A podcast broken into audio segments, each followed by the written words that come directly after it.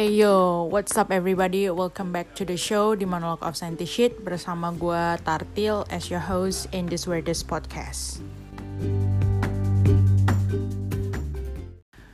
Ya, kali ini gue bakalan membahas topik yang kalau misalnya detail pembahasannya dijelaskan, pasti bakalan gue disangka soalim dan ribet asli gue nggak mau berprasangka terlebih dahulu kepada orang-orang yang mendengarkan podcast ini atau segmen ini gitu ya. Tapi uh, temen gue tuh pernah punya pengalaman kalau dia tuh dikatain cuma gara-gara menyampaikan beberapa hal mengenai makanan halal dan haram gitu. Walaupun uh, gue nya nggak langsung disinggung gitu tapi ya orang yang seperti gue sedang uh, mencoba untuk jadi lebih baik itu pasti punya rasa insecure juga ketika nanti menyampaikan ini kepada orang lain gitu. Tapi ya memang begitu adanya gitu loh informasi makanan halal dan tidak halal dan bagaimana kita menghindarinya. Jadi sebelum kalian mendengar lebih lanjut ya dan ngerasa bahwa uh, untuk section ini atau segmen ini nggak begitu relevan dengan pedoman hidup kalian, I uh, I suggest you to stop listening this segmen gitu ya cause I'll bet you guys will think a lot after listening this episode gitu. Nah bukan berarti gue mau nakut-nakutin nih karena uh, kalau kalian bisa melihat dari perspektif yang berbeda tentang makanan halal dan makanan yang haram gitu ya itu pasti ada sesuatu atau hikmah di balik aturan yang Allah berikan kepada kita sebagai manusia kayak gitu. Yang itu tuh sudah tertulis di dalam Al-Qur'an dan juga beberapa dalil-dalil seperti hadis kayak gitu. Once again, gue di sini nggak mau ceramah ala mamah dedeh ya di podcast ini serius gue nggak mau menyampaikan ala ceramah gitu gitu. Tapi gue yakin banget gitu ya segala anjuran dan larangan yang Allah berikan itu tuh pasti ada positifnya gitu loh. Dan kita sebagai manusia ketika kita membandingkan aturan Allah dengan logika kita manusia itu kita nggak bakalan pernah bisa mencapai hal itu gitu loh. Sampai kapan pun. Nah gue tuh sempat amazed gitu sama orang-orang dengan kecerdasan logikanya gitu. Wah seperti ya banyak orang lah ya seperti kayak walaupun sampai sekarang gue masih kayak baca Stephen Hawking kayak gitu ya. Terus ya karya-karyanya terus uh, dulu mungkin diceritakan tentang uh, Albert Einstein dan lain sebagainya. Mereka adalah orang-orang yang cerdas. We admit that gitu ya. Tapi uh, gue akhirnya sadar gitu loh. Ketika di zaman sekarang itu smart people itu kadang-kadang direlatekan dengan the person who can winning the debate kayak gitu loh. So, smart or winning a debate doesn't increase your value at all. Akhirnya gue menyadari itu gitu loh. Mungkin di mata manusia yang lain nilai kalian naik gitu loh. Nilai kalian tuh berharga gitu, tapi enggak di mata Tuhan. Dan itu pun tergantung dari um, niat kita gitu ya uh, untuk melakukan untuk menunjukkan kepintaran atau uh, memenangkan sebuah debat dan lain sebagainya. Nah, begitu juga dengan pembahasan segmen ini gitu. Gue itu jauh dari sempurna untuk menjelaskan hal-hal yang berkaitan dengan halal dan haram. Itu tuh hal yang benar-benar sensitif menurut gue dan nggak bisa dibahas oleh sembarangan orang kudu ulama kayak gitu loh. Tetapi kalau masalahnya udah masuk ke makanan karena gue punya background pernah belajar tentang makanan dan lain sebagainya ya gue ada sedikit uh, pengetahuan tentang itu gitu walaupun gak banyak. Dan di antara kalian pasti mikir gitu loh ngapain juga gue menyampaikan hal nggak penting ini gitu. Kan kita udah ada MUI gitu ya Majelis Ulama Indonesia.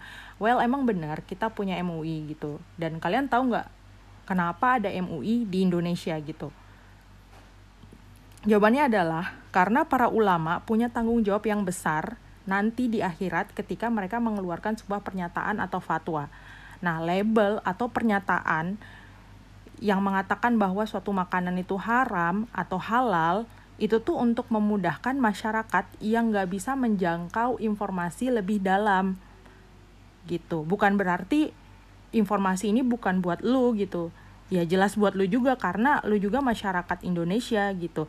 Tetapi yang berpotensi untuk bersinggungan dengan hal-hal yang meragukan di luar sana gitu ya kayak traveling keluar negeri dan lain sebagainya itu adalah orang-orang ya seperti kalian ini kayak gitu. Untuk orang-orang yang uh, mungkin di bawah angka kemiskinan itu mereka cukup mendengarkan pernyataan atau fatwa yang singkat dan lugas dari MUI makanya udah ada logo di setiap kemasan makanan itu dengan logo halalnya kayak gitu bahkan untuk rumah pemotongan hewan itu sudah tersertifikasi halal semuanya. Jadi kita aman-aman aja kalau di sini mengatakan bahwa oh kagak apa-apa makanan halal itu ayam, yang penting bukan babi. Kayak gitu. Karena apa? Kita sudah terlindungi dengan sistem yang ada di negara ini. MUI udah buat sistemnya. Jadi semua RPH rumah potong halal itu udah tersertifikasi halal. So, nggak ada keraguannya gitu. Tapi kalau misalnya kalian keluar negeri, I think this kind of segment, this kind of topping may help you a lot, even though you can find it uh, from any other resources gitu ya, kayak YouTube atau casually uh, searching, surfing uh, from Google gitu. Kalian bebas bisa melakukan itu, but I'm just, you know, I would like to contribute what I get gitu ya from this kind of platform kayak gitu. Alasan lainnya adalah uh, selain itu tadi gue udah sampein ya gue pernah belajar ini gitu secara nggak langsung mempelajari hal ini karena gue mempelajari bahan-bahan makanan gitu nah komponen-komponen bahan makanan gitu gue memiliki prinsip bahwa kematian itu bakalan menjemput siapa aja, kapan aja, dan dalam kondisi apa pun itu. Nah, mengandalkan ibadah aja, itu tuh menurut gue itu kayak nggak mungkin kita bisa masuk surga gitu loh. Emang seberapa pede lu bisa masuk surga dengan sholat lu aja atau puasa lu aja atau kombinasi keduanya dan berbuat baik aja atau kombinasi ketiga, ketiganya atau kombinasi salah duanya gitu. Atau bahkan seberapa pede lu bisa masuk surga hanya karena cuma makan makanan halal dan haram. Kita nggak pernah tahu kita bisa mendapatkan reward yang lebih itu dari apa gitu. Kita nggak bakalan tahu yang kita perlu tahu adalah kita terus berusaha melakukan hal yang baik. Berusaha untuk uh, sebisa mungkin mendekatkan semua aktivitas kita itu uh, sesuai dengan ya yang digariskan sama Allah Subhanahu Wa Taala kayak gitu. Dan gue yakin dan kalian gue yakin kalian pasti uh, mikir kayak gini nggak apa-apa kok Tuhan itu kan maha baik dan pertolongan. Dan itu Allah tuh maha menolong kayak gitu loh. Uh, dan maha memberi kemudahan. Ya memang benar gitu. Tuhan maha memberi kemudahan sangat mudah bahkan. Tapi menurut gue kemudahan yang Tuhan berikan itu bukan untuk dimudah-mudahkan atau disepelekan dan disalahartikan. Karena banyak yang menyalahartikan kemudahan yang uh, Allah berikan menurut gue ya. Dan misalnya kayak gini deh contohnya. Uh, informasi ada lo punya gadget kayak gitu ya um, mencari informasi letak makanan makanan halal itu masa nggak bisa? Dan ketika kalian mendapatkan makanan yang nggak tahu itu halal atau enggak kalian bilang ya udahlah Bismillah aja kayak gitu kan. Allah maha tahu kayak gitu. Wow kayak gitu kan. Oh my god itu menurut gue memudah-mudahkan kayak gitu. Nah selain itu juga alasan yang berikutnya adalah terakhir nih ya. Gue terinspirasi oleh salah seorang selebgram.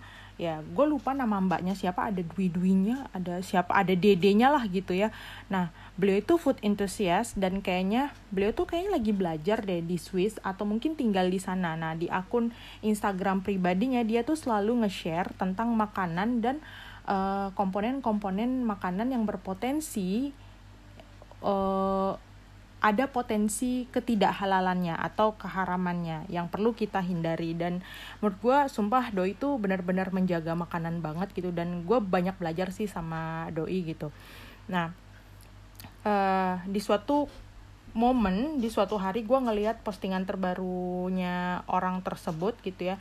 Postingannya tentang video seorang ustadz yang menyampaikan seperti ini. Um, emang nggak apa-apa kalau misalnya kita nggak sengaja makan makanan haram atau tidak halal gitu loh. Tuhan juga nggak bakalan memberikan dosa kayak gitu. Tetapi coba kita lihat analoginya seperti ini. Kalau kita nggak sengaja makan racun atau minum racun gitu, apakah berdosa kan enggak gitu kan kita nggak sengaja gitu loh minum racun kayak gitu Ap tapi apakah ada after effectnya ya iyalah orang kita minum racun pasti kita mati. Kayak gitu loh. Begitu juga dengan makan makanan yang haram atau yang tidak halal kayak gitu. Pasti ada after effectnya gitu loh. Kan nggak apa-apa kalau kita uh, lupa atau misalnya hilaf makan makanan haram kayak gitu ya. Dan kita bilang kan nggak apa-apa Tuhan maha tahu. Iya nggak dosa tidak dosa sama sekali. Tapi walau alam bisawaf after efeknya seperti apa. Dan gue nggak mau jadi orang yang judgmental gue mau menyampaikan ini sesuai dengan uh, apa yang disampaikan oleh bapak ustadz itu bahwa kemungkinan besar doa doa kita mungkin tidak keterima ketika kita makan makanan yang tidak halal gitu walau alam bisawaf ya gue nggak tahu gitu karena ya mungkin di kondisi tertentu juga gue pernah makan makanan yang nggak halal gitu ya. Jadi kita harus aware. Anyway, let's get into the topic. Jadi menurut gua uh, dari apa namanya perspektif gua ya, mendapatkan makanan halal itu itu sangat mudah karena uh, sangat mudah dicari karena ada tiga alasan. Di sini gua mau menyampaikan alasan kenapa makanan halal itu perlu kita perjuangkan, perlu kita niatkan dan akhirnya akan menghasilkan kemudahan. Yang pertama adalah uh, as what I said before gitu ya. Tuhan itu maha memberikan kemudahan, tapi tidak kita mudah-mudahkan. Di dalam surat Al-Baqarah, ini gue lihat di beberapa citasi ya. Di dalam surat Al-Baqarah ayat 185, Allah intends for you ease and does not intend for your hardship itu kan artinya ya Allah memberikan kemudahan dan tidak memberikan kesulitan kepada kalian kayak gitu. Nah, alasan yang kedua adalah kalau kalian misalnya traveling di English speaking country gitu ya, uh, mungkin yang paling dekat adalah Australia, Amerika Serikat atau Eropa seperti Inggris kayak begitu. Nah, uh, rata-rata Western country atau English speaking country seperti itu, mereka sekarang saat ini concern terhadap Eh, makanan-makanan seperti uh, makanan vegetarian atau vegan gitu. Karena mereka kayak sudah shifting diet gitu loh.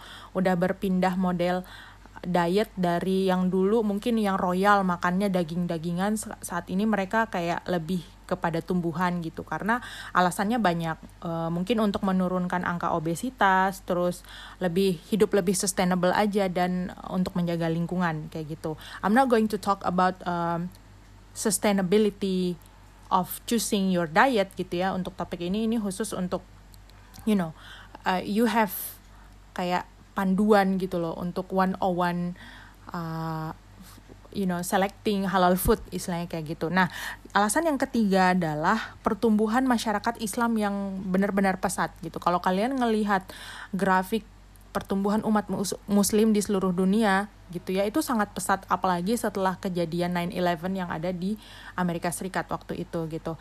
Jumlah pertumbuhan umat muslim itu pesat dan kalau misalnya pebisnis makanan melihat uh, peluang ini mereka menganggap bahwa makanan halal itu merupakan potensi keuntungan yang sangat besar buat mereka. Jadi ya mereka nggak mau lose over opportunity gara-gara mereka tetap konsisten menjual makanan yang tidak halal kayak gitu. But believe me every country gitu ya mereka sudah punya section sendiri untuk uh, memperjualbelikan makan makanan yang halal. Contohnya salah satunya adalah mungkin di Korea gitu ya di daerah Itaewon di sana benar-benar kayak tempat melting pointnya gitu.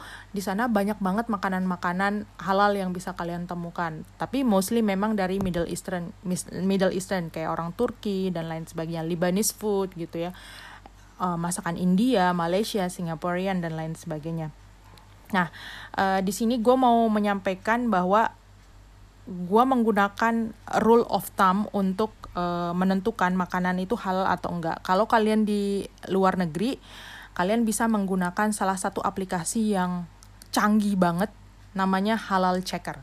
Nah, Halal Checker ini kalian bisa gunakan di aplikasi HP entah iOS atau Android itu untuk ngecek kode-kode yang ada di uh, ingredients suatu makanan karena uh, kalau di luar negeri ya kode-kode itu di ya kode makanan itu dikodifikasi untuk menjelaskan komponen bahan makanan tersebut. Yang kedua adalah kalian mendownload uh, list makanan halal ketika kalian traveling. Gue pernah coba iseng ngelis makanan halal untuk pergi ke Jepang dan ke Korea dan ternyata gue dapet kayak gitu loh. And uh, I bet for every country you want to visit, mereka pasti juga memiliki uh, banyak list seperti itu. Walaupun mungkin listnya nggak sebanyak di negara-negara yang familiar dengan agama Islam seperti Australia atau Amerika Serikat. Dan yang ketiga adalah it's simple it's very easy just googling gitu ya. It's kinda easy thing karena sekalian jalan sekalian cari tempat gitu ya kalian juga bisa cek di Google Map dan di situ juga ada reviewnya kayak gitu and how about dine in or take away for the food if you want to eat in a restaurant gitu ya well the first thing you need to uh, make sure gitu ya. Yang pertama adalah you need to find the halal sign gitu ya. When there is halal sign di restoran tersebut, so maybe that is Muslim owned or you know the Muslim run for the restaurant or someone who is Muslim friendly run that restaurant kayak gitu. Nah uh, kalau di apa namanya kalau di uh, kalau di Australia gue tuh tinggal di daerah yang mayoritas uh, orang-orang Muslim gitu ya dari Middle Eastern di sana gitu. Nah mungkin banyak yang penasaran kenapa sih gue nggak mingle sama teman-teman yang heterogen aja gitu. Yang pertama di sana uh, apa namanya biaya akomodasinya lebih murah yang kedua cari makanan halal itu lebih gampang kayak gitu masalah gua mingle dan enggaknya secara heterogen itu gampang lah kan banyak kegiatan-kegiatan seperti uh, ya kegiatan diskusi di kampus gitu. Karena mostly gue menghabiskan hari-hari gue tuh di kampus. Berangkat pagi pulangnya uh, malam kayak gitu. So untuk apa namanya bahkan gue nggak punya kesempatan bersosialisasi di lingkungan perumahan gue karena ya well you know that uh, people uh, sorry people people people who live in uh, apa namanya in that kind of area gitu ya in that kind of country is a bit individualis kayak gitu. Alas uh, sorry um, poin yang kedua adalah yang perlu kalian uh, cari tahu kalau misalnya kalian mau makan di sebuah restoran gitu request for the suppliers document gitu ya. Kalau kalian di luar negeri minta dokumen supplier makanannya gitu dagingnya dan lain sebagainya gitu. Or uh, like simply ask when there is a mix of halal or haram food kayak gitu ya. In such situation you can just you know uh, find some uh, alternatif gitu ya. Kalau misalnya kalian ragu dengan kondisi restoran tersebut mereka nggak memisahkan makanan halal dan haram ya nggak apa-apa lah jalan sedikit untuk mendapatkan makanan yang halal gitu kan apa susahnya gitu. Well gue mau membandingkan sedikit dengan Australia. Australia is very clean. I mean like uh, if they want to sell something gitu ya. Karena gini ya gue pernah menyampaikan di podcast gue sebelumnya bahwa Muslim community made up for like 3 point something persen gitu ya di Australia. Jadi mereka benar-benar consider makan makanan halal tersebut. Gue pernah di booth sebuah burger yang terkenal di Melbourne gitu ya dia itu menyiapkan booth khusus untuk daging yang halal dan haram. Kitchennya dipisah benar-benar. So pas waktu masuk ke sana mungkin vibe-nya itu vibe vibe uh, Australian banget gitu. Tapi pas masuk kita udah bilang kita bilang aja gitu, I need halal meat kayak gitu. Langsung uh, yang apa namanya yang serving langsung orangnya yang berbeda kayak gitu. That's kinda apa namanya easy thing ya di sana. Karena ya itu dia gue bilang banyak yang nggak tahu tempat itu gitu loh. Banyak yang nggak tahu tempat itu. Dan gue juga kayak gimana ya tiba-tiba gue udah makan di sana terus tiba-tiba gue mau keluar-keluar gitu di grup grup kalau oh di sini tempat ada makanan halal loh gitu. Yang nggak penting juga gitu. Ketika orang yang bersangkutan ingin mencari tahu insya Allah pasti dia mendapatkan kayak gitu. Ya. Nah uh, kalau misalnya nggak ada uh, when there's no halal meat available gitu ya. Kalau kalian nggak bisa menemukan um, halal butcher gitu ya dan lain sebagainya gitu pilihan kedua adalah kosher is the answer. Apa itu kosher? Kosher itu kayak sertifikasi halal makanan untuk orang Yahudi untuk orang Jewish gitu ya.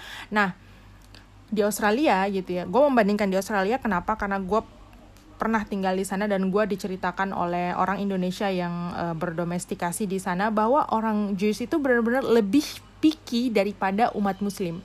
They are really really picky. I was told by my friend gitu ya. Bahkan kalau on flight orang Jews itu kalau mereka makan roti, mereka tuh ada khusus dua lapis plastik kosher untuk orang Jewish. Karena mereka nggak mau plastik yang di pertama itu habis dipegang oleh orang-orang lain dan plastik kedua itu khusus untuk dia. Kayak gitu. Jadi orang Jewish itu punya pilihan kayak gini. Mereka bisa makan daging kalau nggak kosher itu halal. Jadi ketika di sana mereka nggak bisa menemukan kosher butchernya mereka mereka akan pergi ke halal butcher. Kayak gitu. Pilihan keempat adalah makan seafood. Seafood is literally halal semuanya gitu ya. Bahkan bangkai bangkai ikan itu halal. Seperti itu. Nah untuk khusus untuk negara-negara barat ya mereka itu gimana ya? Menurut gue negara negara-negara barat western country itu mereka benar-benar fair ketika mereka selalu menutu, menyetujui special requirement.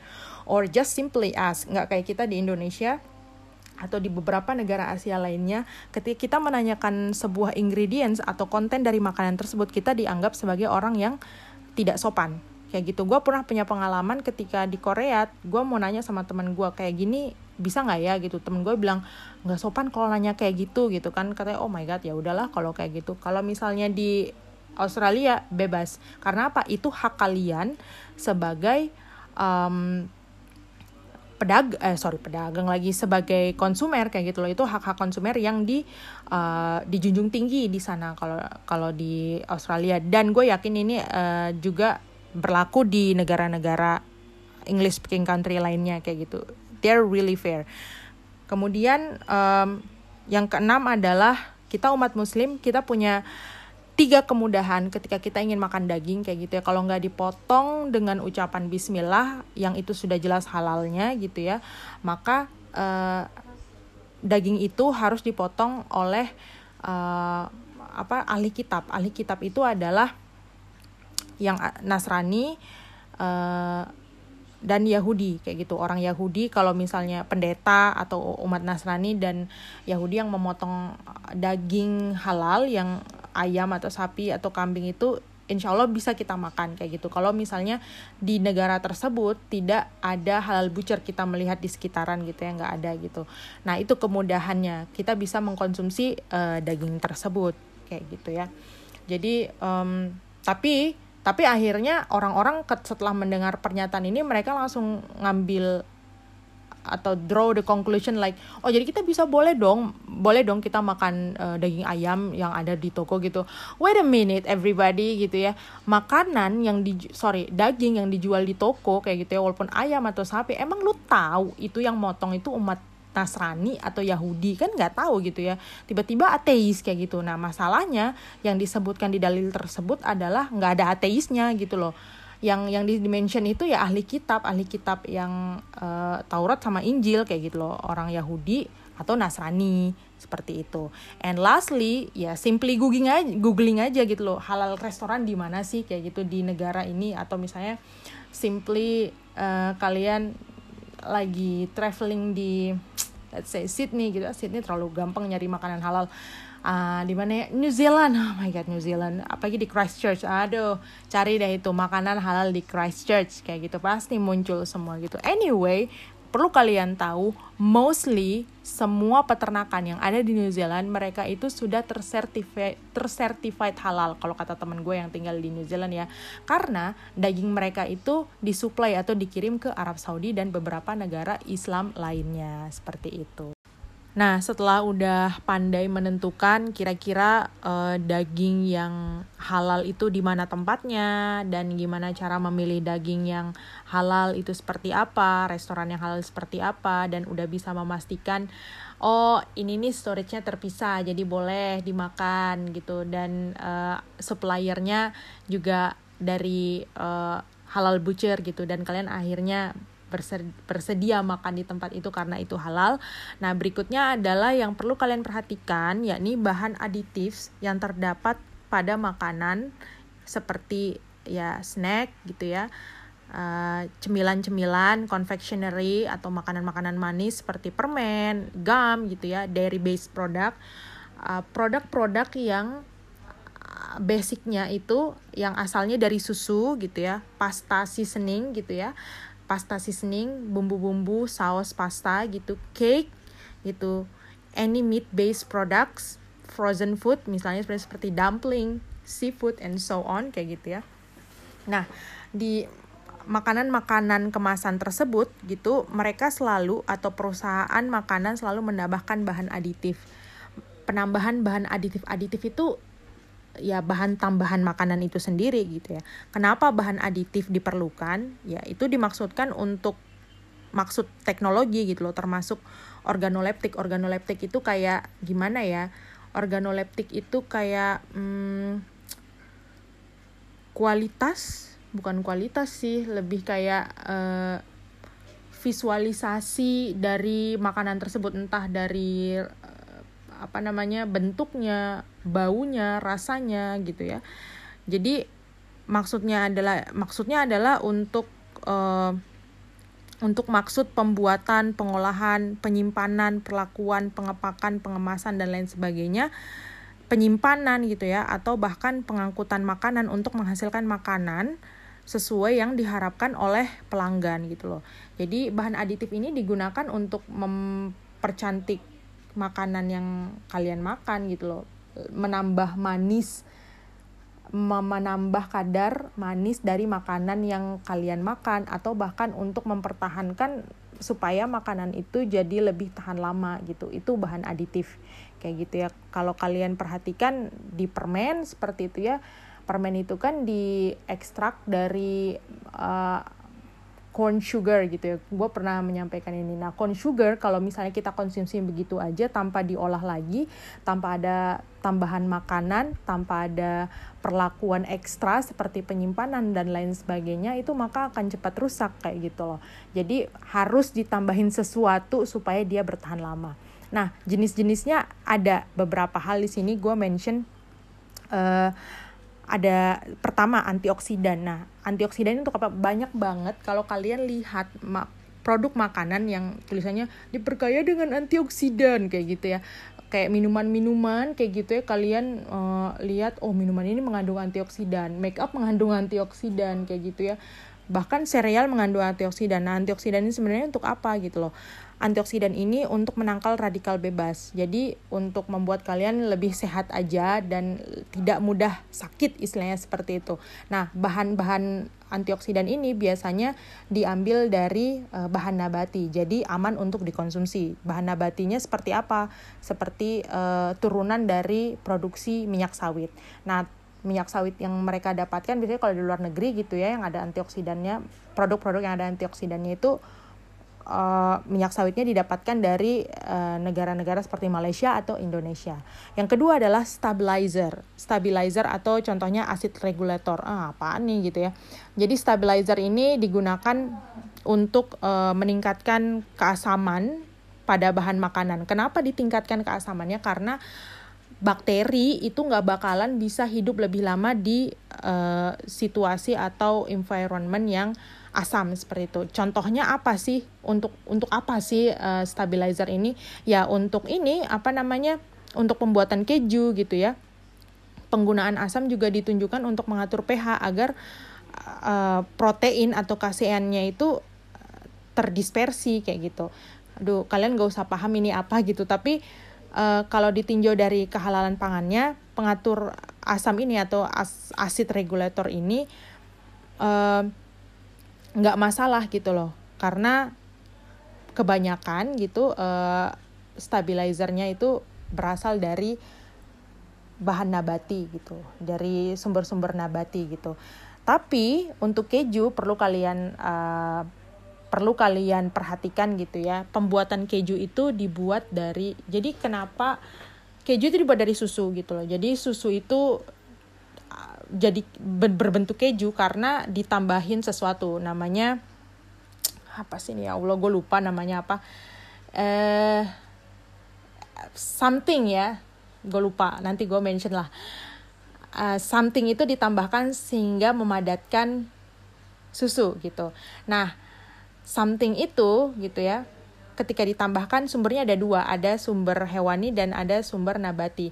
Kalau keju yang otentik itu tuh bakalan diambil dari uh, perut anak lembu atau anak kambing gitu loh. Nah, itu yang diragukan kehalalannya karena ketika motong kambingnya kagak tahu itu kambing halal apa enggak gitu. Tapi untuk produksi keju modern seperti ini uh, something itu gitu ya bahan tambahan untuk membuat keju itu gitu. Aduh sumpah gue lupa apa namanya kok bisa lupa ya.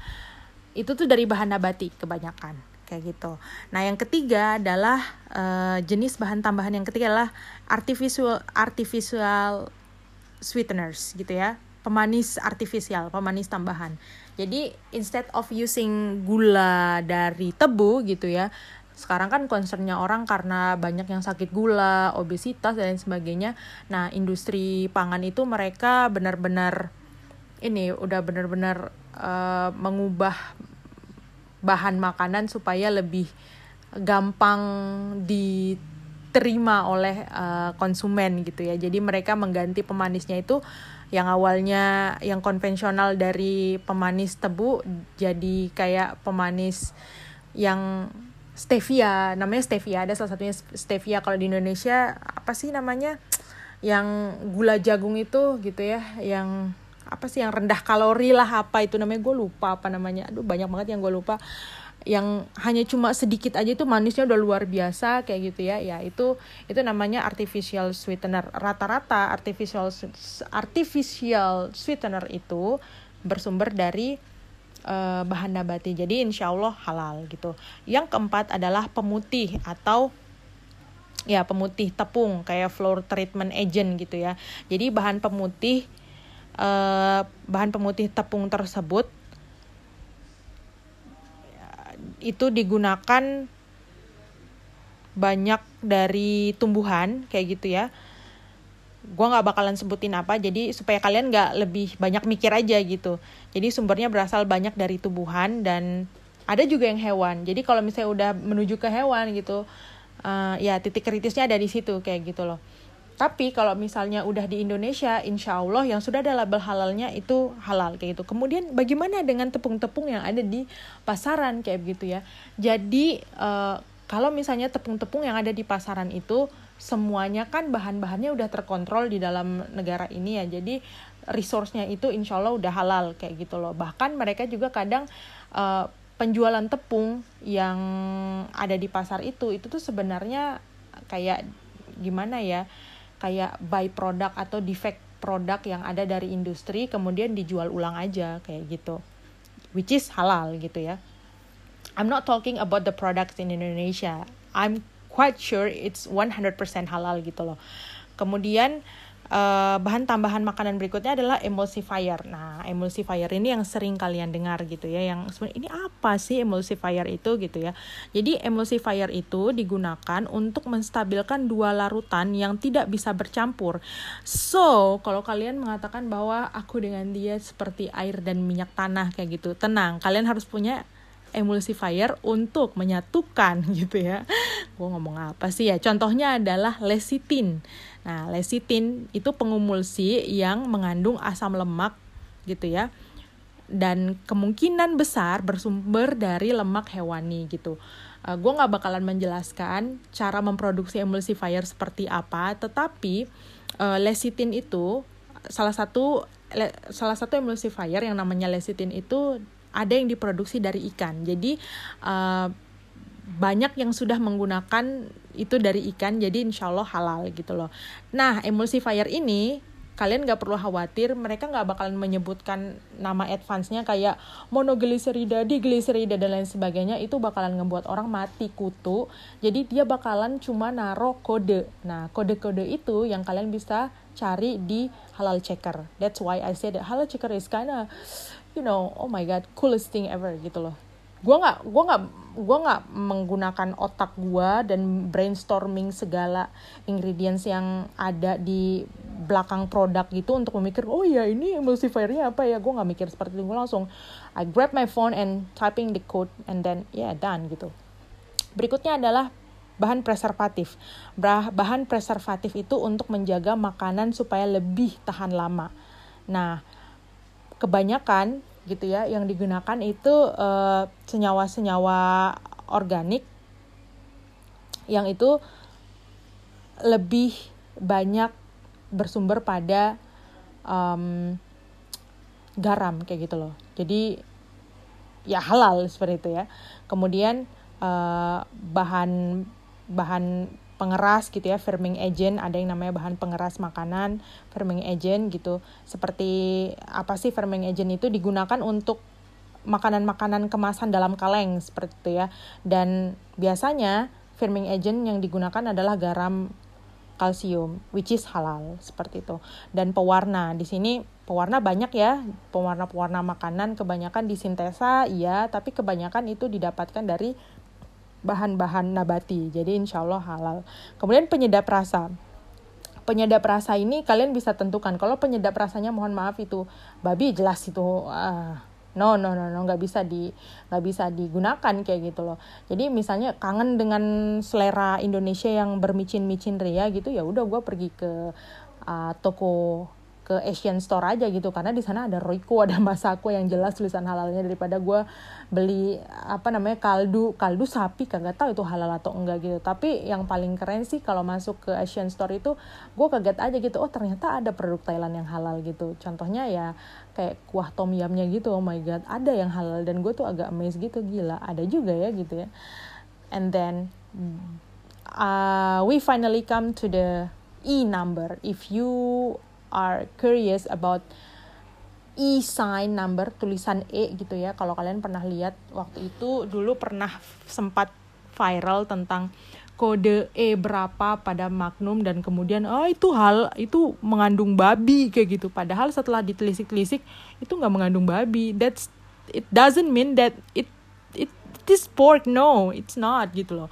Nah so e number is kinda kayak gimana ya itu kayak sign gitu ya dari lembaga food additives yang menunjukkan bahwa itu dari pembentukan kode tulisan E itu dari European Union. Jadi E, e stands for Europe istilahnya kayak gitu untuk uh, memudahkan kayak food authority food authority and food safety itu lebih gampang mengidentifikasi bahan makanan aja kayak gitu. Nah uh, yang perlu kalian perhatikan gitu ya bahan-bahan aditif yang berlogo E gitu ya gue sebutin. Nanti kalian bisa cari sih sebenarnya gue cuma sebutin aja mention aja beberapa. Ada yang pertama E120 uh, cochineal gitu ya itu uh, bahan tambahan makanan yang mengandung pewarna makanan warna merah gitu ya. Uh, warna merah yang itu dianggap di beberapa negara itu diharamkan karena uh, warna merah itu diambil dari uh, warna serangga kayak gitu loh. Jadi itu nggak dibolehkan kalau di Australia itu nggak dibolehkan. Tapi gue nggak tahu kata temen gue di Indonesia warna merah ini di tidak diharamkan kayak gitulah.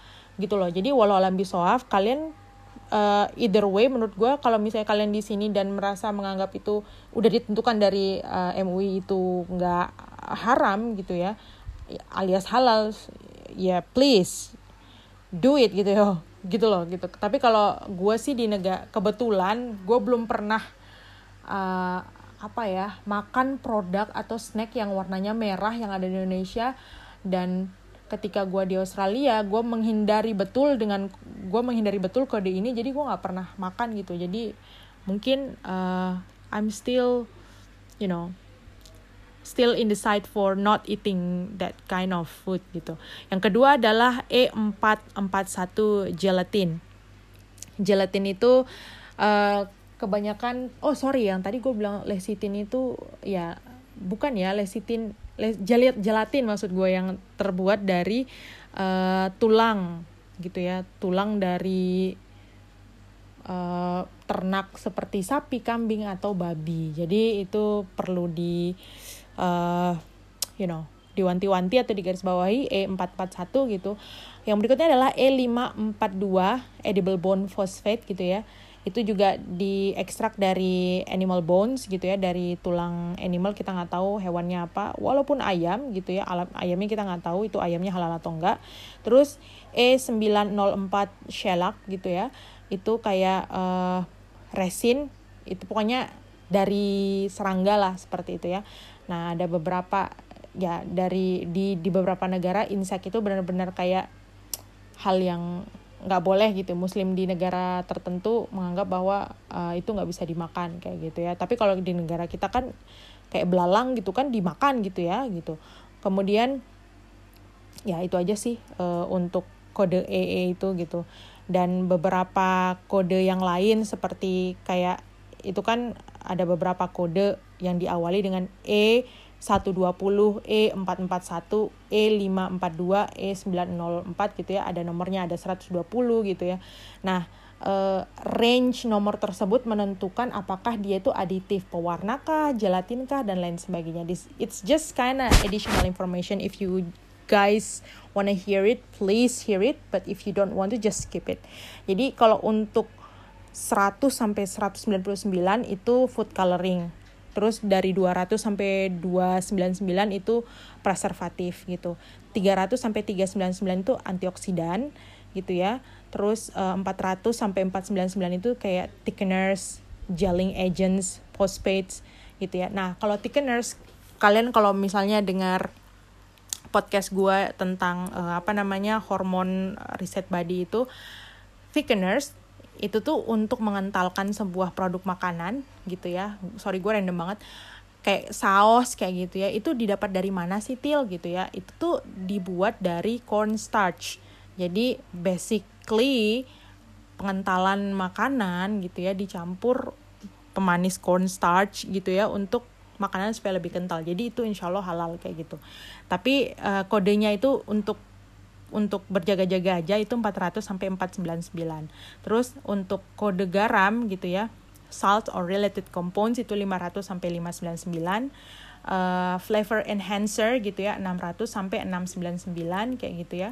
Terus uh, 700 sampai 899 itu uh, oh sorry itu nggak ada deng 900 sampai 999 itu kayak surface coating agents gitu ya sweeteners dan lain sebagainya.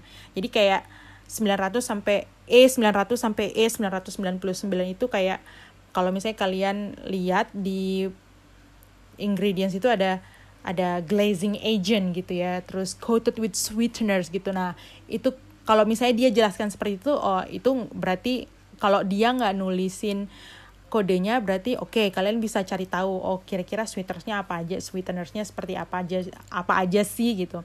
Tapi kalau misalnya dia naruh kode gitu langsung masukin aja ke halal checker kayak gitu. Ya mungkin itu sih.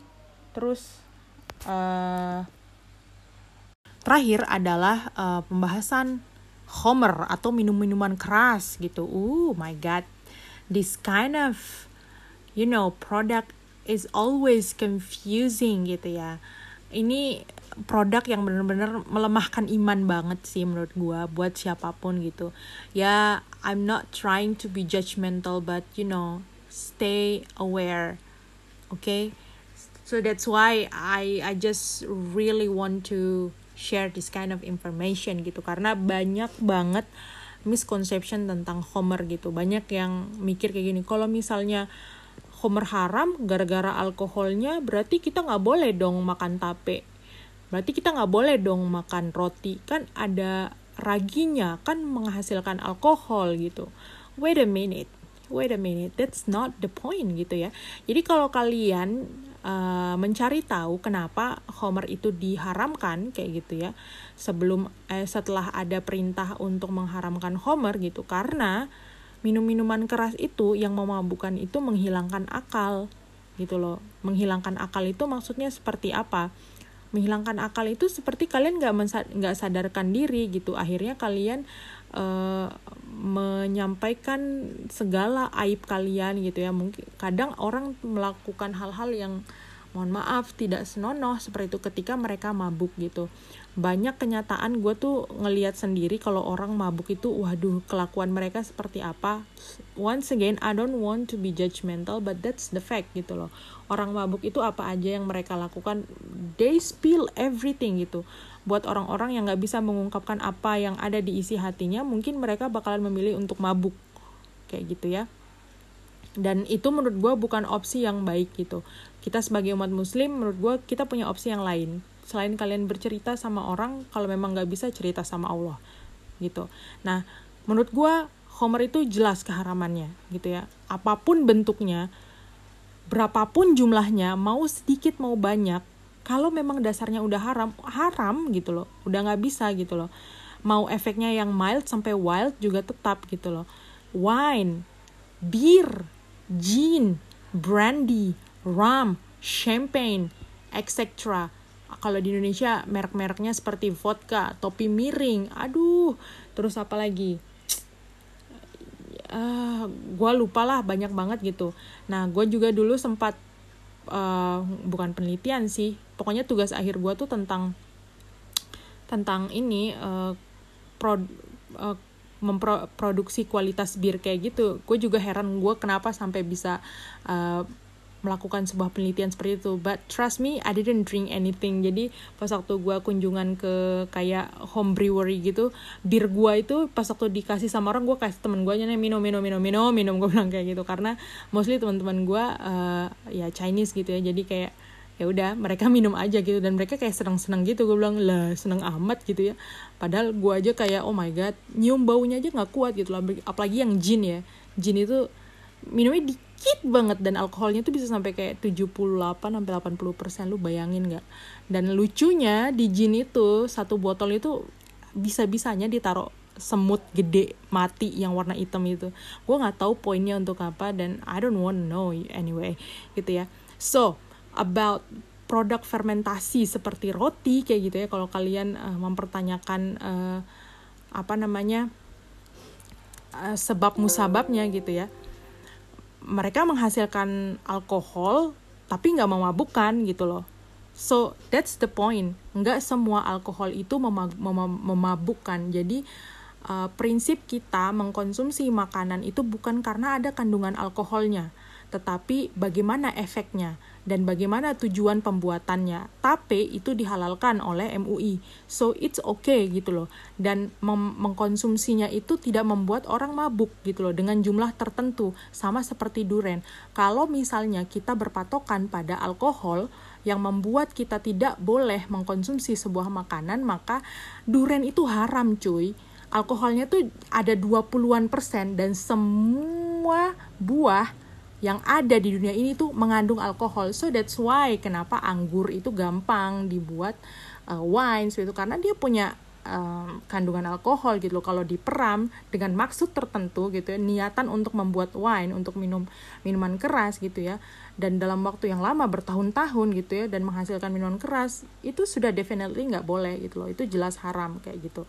Begitu juga dengan apa tuak. Tuak itu kan kalau misalnya di daerah-daerah kita itu kan sengaja diperam gitu ya untuk apa ya buat diminum-minum itu kandungan alkoholnya tinggi dan digunakan untuk apa? Untuk mabuk kayak gitu. Nah, kalau kalian juga bertanya bahwa kalau misalnya mengandung alkohol kayak gitu berarti uh, obat-obat alkohol itu sebenarnya kan nggak boleh kita gunakan. Wait a minute, wait a minute. It's not an edible alcohol gitu loh. Jadi alkohol kalau kalian minum alkohol itu mati gitu loh. Nah di sini edible alkohol yang dikeluarkan dari bahan makanan itu itu bukan itu bukan alkohol yang untuk pengobatan bukan untuk medis gitu loh tetapi yang bisa dikonsumsi oleh tubuh kayak gitu. Jadi harus bisa dibedakan. Bukan berarti kalian nggak boleh kayak gitu. Untuk kondisi tertentu masalah boleh dan tidaknya walau lambi soaf ya dalam kalian dalam kondisi kalian sakit dikasih obat bius dan lain sebagainya itu kondisi yang lain. Tetapi ini kalian dalam keadaan chill kemudian nggak tahu nggak bikin apa-apa nggak ngapa-ngapain terus temen datang buat party yuk minum kayak gitu kan. Dan kalian merasa oh oke okay, kayak gitu. Oh come on don't do that gitu ya. Kemudian uh, kalau menurut MUI gitu ya mabuk itu bisa jadi dua gitu loh. Jadi kita nggak bisa mengklasifikasikan bahwa aduh gue sakit kayak gitu ya. Gue mual-mual apakah itu gue termasuk mabuk? kayak gitu ya. Jadi mungkin ada yang mengklasifikasikan bahwa berarti kalau misalnya gue mabuk makan tape haram dong si tape. Bentar dulu tape itu nggak bikin kalian mabuk. Seperti orang mabuk minum wine atau bir orang kalau mabuk minum minuman keras itu ngomong ngelantur lah kalian mabuk makan tape atau durian itu mual-mual sakit meriang sampai tidur kayak gitu. Nah, untuk orang-orang seperti itu dengan kondisi seperti itu sebaiknya dihindari pengkonsumsiannya entah itu dari jumlahnya atau makanannya supaya untuk menjaga kesehatan. Karena prinsipnya makanan halal di Islam itu ada halal dan toyib gitu loh. Selain boleh tapi juga menyehatkan kayak gitu. Jadi gue tuh pernah gitu dengar komentar orang di Facebook itu entah gue nggak tahu dia kurang baca banyak atau nonton banyak gue nggak tahu atau kurang piknik kayak gitu ya. Dia marahin gue waktu itu gue tulis apa gitu dia bilang itu ah lo omong kosong. Itu tuh gorengan juga haram gitu. Lah gue kasih tahu ya gorengan di Indonesia nggak ada yang nggak ada yang uh, nggak ada yang haram kecuali kalau lu ini goreng sorry pork crispy kayak gitu. Ya itu jelas kagak boleh dimakan gitu ya. Tapi ini gorengan pisang goreng gitu ya. Terus ubi goreng kayak gitu. Itu haram dari mananya kayak gitu loh. Itu halal. Tetapi tetapi karena mengkhawatirkan kesehatan itu bisa jadi nggak toyib tidak baik gitu loh So that's why halalnya tetap diambil, tetapi toyibnya itu yang enggak tapi tidak menjadikan. Jadi kalau misalnya makanan itu enggak toyib tapi dia halal itu tidak mempengaruhi kehalalannya kayak gitu. Jadi kalau kalian sudah tahu makanan itu enggak ada faedahnya ya ditinggalkan ngapain gitu loh. Walaupun itu halal gitu. Jangan malah memilih oh itu kan enggak itu kan enggak menyehatkan. Ya udah kita minum bir saja seperti itu. No that's that's a really uh, wrong way of thinking gitu ya. Jadi dan juga ketika ditambahkan berarti itu kan ada purpose gitu ya. Ketika kita menambahkan makanan uh, ada penambahan makanan sorry ada penambahan konten uh, sorry homer gitu ya pada sebuah makanan dan akhirnya itu jadi nggak halal. Nggak jadi jadi nggak halal ya jadi haram gitu loh. Contohnya seperti apa? Cake.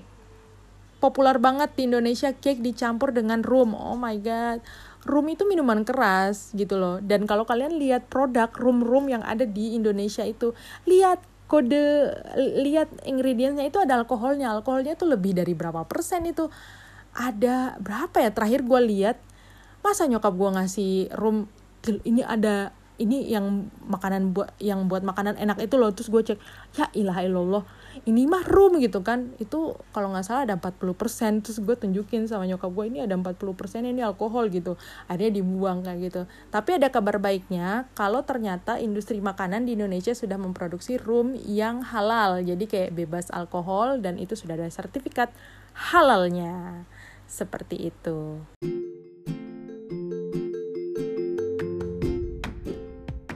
Well, mungkin itu aja yang bisa gue sampaikan. Semoga bisa bermanfaat buat kalian semua. Last words that I want to say, ya makan makanan yang halal itu tuh bentuk ikhtiar kita ya menjadi muslim yang baik kayak gitu ya karena nggak ada nggak ada manusia itu yang baik 100% kayak gitu ya bahkan Rasulullah pun gitu ya sallallahu salam dia tuh udah dijanjikan masuk surga sama sahabat-sahabatnya gitu. Tapi tetap ngeyel untuk berbuat baik. Lah kita mamen gitu loh. Generasi keberapa ini? Sombong banget gitu ya. Kagak mau berusaha nyari makanan halal tapi ngarepnya masuk surga gitu. So don't kepedean banyak-banyak gitu ya. Ya tidak ada yang bisa menjamin makan makanan halal aja atau beribadah aja gitu ya. Kayak sholat dan puasa aja gitu uh, amal ibadah kita bisa keterima gitu loh atau bisa masuk surga simply masuk surga gitu. Tapi uh, kita diperintahkan untuk terus berusaha memperbaiki diri. Gitu aja sih. Thank you so much for listening this podcast. If you think this topic is dope and interesting and important to be shared please share to the others gitu ya. Dan ya yeah, I'll see you in the next show Bye bye.